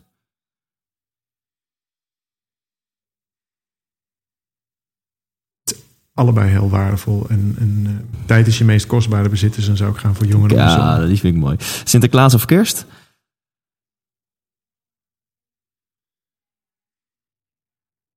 Ik ben uh, behoorlijk tegenstander van het voorliegen van, uh, van mensen. En dus ook van kinderen. Het is heel kwetsbaar om, om mensen, om kinderen te, te laten geloven in iets waarvan je ze later gaat, gaat laten merken. Ja, we hebben je eigen ha, we hebben je voor de gek gehouden. Dus ik ben uh, een tegenstander van het idee van Sinterklaas. Ik ben natuurlijk heel erg voor een kinderfeest. Maar waarom zou je kinderen niet gewoon mogen betrekken bij dat het een verklede man is? Waarom moeten we mensen moedwillig laten geloven? Ik denk dat het een, een, een, traumatische uh, een breuk kan zijn in het vertrouwen van, uh, van kinderen in volwassenen. Mm -hmm. En daar heb ik, daar heb ik nog ja. wel een mening over. Ja. dus ik zou zeker gaan voor kerst. Um, alhoewel ik gewoon meestal lekker gewoon op vakantie ga. Dan heb je tenminste gewoon kerst in de zon of in de sneeuw. Nou, maar gewoon, ook, het gevaar is dat dingen uh, bijna een soort dogmatische invulling krijgen. Dus dan wordt het een verplichting. Ja. Het is kerst en dus ja. ben je eerste kerstdag daar en de tweede kerstdag bij je schoolfamilie of weet ik van zo. En, en wat ik mooi vind is als dat, als dat een vrije beweging mag zijn. Dus wij organiseren elk jaar een, een, een, een kerst voor, uh, voor de lost and found. Dus gewoon mensen die eigenlijk niks hebben met kerst of, of geen plek hebben om heen te gaan. En dat zijn de meest waanzinnige avonden. Dat zijn gewoon mensen die bij elkaar komen om, omdat ze graag met elkaar uh, samen willen zijn. Ja. En dat is, is zoiets anders. En dan heb ik het toevallig heel, heel fijn met mijn familie, dus dat is dan prima. Maar, maar de, de, het dogmatische stuk, of het, het plichtmatige stuk, dat bedoel ik eigenlijk, mm -hmm. van kerst heb ik ook wel veel moeite mee. Ja. Ferrari of Tesla? Tesla. Beatles of The Stones?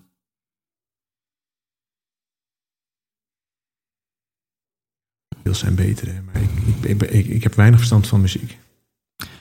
Wintersport of strand? Strand. Nederland uit en er nooit meer in? Of Nederland in en er nooit meer uit? Nou, Nederland het gelukkigste land van de wereld. Nederland in en er nooit meer okay. uit. Eén dag koning of één dag weer kind? Uh, koning zijn lijkt me verschrikkelijk. Dus dat, uh, Eén dag weer kind. En één dag weer kind lijkt me op zich ook heel zwaar. Kinderen hebben het best wel zwaar met alle mogelijkheden die je niet zo goed begrijpt. Ik vind het eigenlijk heel fijn hoe het is nu. Oké, okay, oké, okay, cool, cool. Um, ik ga een poging doen om, om Sabine te pakken te krijgen. Yes.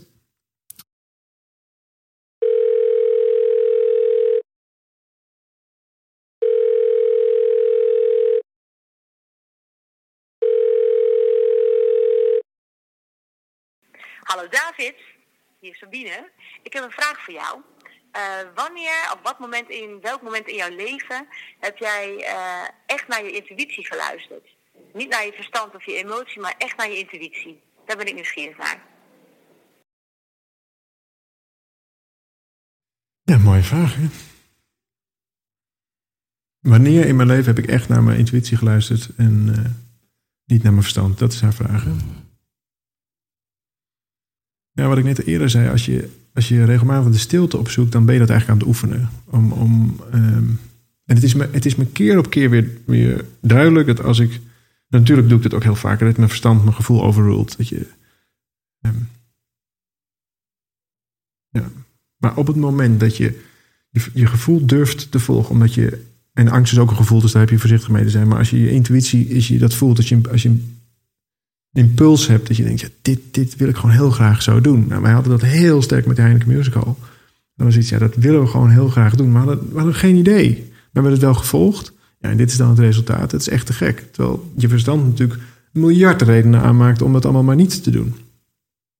Dus als je, uh, ja, en ik probeer dat heel regelmatig te doen, maar dit is dan wel echt, echt zo'n zo'n voorbeeld van, ja, het is zoveel groter dan wat we ooit hebben gedaan. Geen idee of we dit kunnen, geen idee of het überhaupt gaat lukken. Dus als je daar uh, head first uh, ingaat, dan is dat, een, uh, is dat denk ik een, een goed voorbeeld. En, um, en misschien ook wel met het overlijden van Jip, dat het nou, ook geen enkel argument om, om ja. zakelijk argument om dit te doen. En we hadden het best wel goed voor elkaar als, als je kijkt naar onze andere activiteiten en bedrijven en dingen die we allemaal deden. Maar dat is zo'n sterk gevoel van ja, dit gaan we gewoon doen. Ja. Kun je je voorstellen dat je, dat je soms weet je het zo goed van binnen. En dan is het echt aan je om, om ja, are you bold enough? Ben je dapper genoeg om dan in te stappen of niet? Met alle risico's van dienen. Want eh, ja, kan ook natuurlijk de kans dat het, dat het ook niet lukt, die is natuurlijk heel erg aanwezig. Nou, ik denk dat dat een heel mooi voorbeeld is. Ja. Dank je. Tof.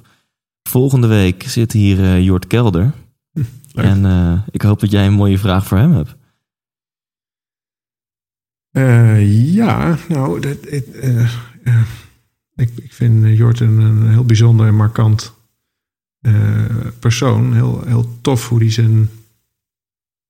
ja, gewoon hoe hij, zich, hoe hij zichzelf is en tegelijkertijd daar de vorm aan geeft. En nee, ik, heb daar, ik, heb daar een, ja, ik heb daar wel een vraag over. Namelijk, ik weet dat je heel open bent over jouw ehm, verdiensten en over hoe, hoe het eigenlijk ook met jou privé slash zakelijk gaat. En ik heb me wel eens laten vertellen dat je zelfs je jaarcijfers eh, eh, publiceert op je website.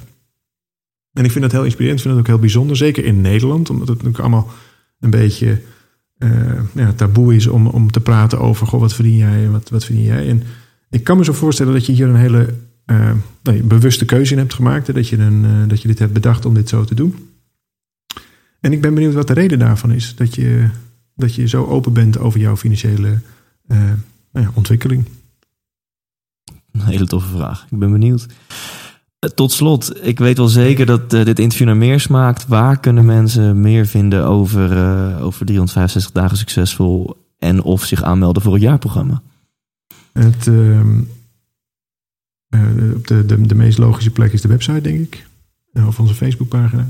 365 dagen succesvol.nl of Facebook slash 365 dagen succesvol. Zoiets dergelijks.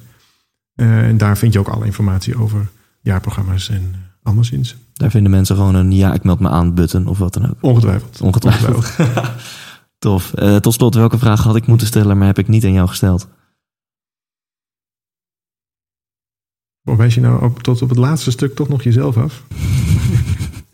je hebt het fantastisch gedaan. Oké, cool. Dankjewel. Alsjeblieft. 100% wijs! Ja, thanks voor het luisteren. En je bent wellicht benieuwd, wat is nu die verrassing? Thijs, je had een verrassing beloofd. En hier komt die. Het zal je niet ontgaan zijn, ook eh, David en Arjan hebben een boek geschreven, 365 dagen succesvol. En meestal als mijn gasten een boek schrijven, dan vraag ik of ze één of twee exemplaren willen signeren, zodat ik dat kan verloten onder mijn luisteraars. En eh, die vraag heb ik ook aan David gesteld. Hij was even twee minuten weg en kwam terug met 10 boeken. Hij zegt ja, twee vind ik ook weer zo weinig, eh, dat, dat is net niks. Hier, hoppa, 10 gesigneerde boeken. Waanzinnig, die liggen hier klaar. Hier op mijn bureau liggen 10 boeken voor jou. Dus als je dit hoort, wacht niet langer. Pak nu je pc, je telefoon en stuur een e-mail naar thijs, apenstaartje, thijslindhout.nl thijs at thijslindhout.nl En ehm, geef heel kort even aan in een paar zinnen waarom jij zo'n gesigneerd boek wil winnen. En dan komt die volgende week naar jou toe op de post. Een gesigneerd boek van eh, 365 dagen succesvol. thijs.thijslindhout.nl Volgende week, je hebt het al gehoord, interview ik Jort Kelder. Ehm, voor de mensen die mij hebben gezien op het MKB Ondernemerscongres, daar heb ik hem live op het podium geconfronteerd met de vraag: Hey Jort, ik zou je graag willen interviewen. Hij zei daar ja op en belofte maakt schuld. Dus vandaar staat dat interview volgende week voor je klaar. Ik heb er heel veel zin in. Bedankt voor het luisteren en ehm, tot volgende week. Leef intens. Hey, wat leuk dat je hebt geluisterd naar deze aflevering. En als je het nog niet hebt gedaan, waar wacht je nog op? Ga nu naar thijslindhout.nl en koop je tickets voor de 100% Inspiratieshow. We gaan lachen, we gaan muziek maken en vooral gaan we samen op zoek naar geluk en succes. Neem je vrienden, je vriendinnen, je partner, je collega's mee. Koop nu je tickets op thijslindhout.nl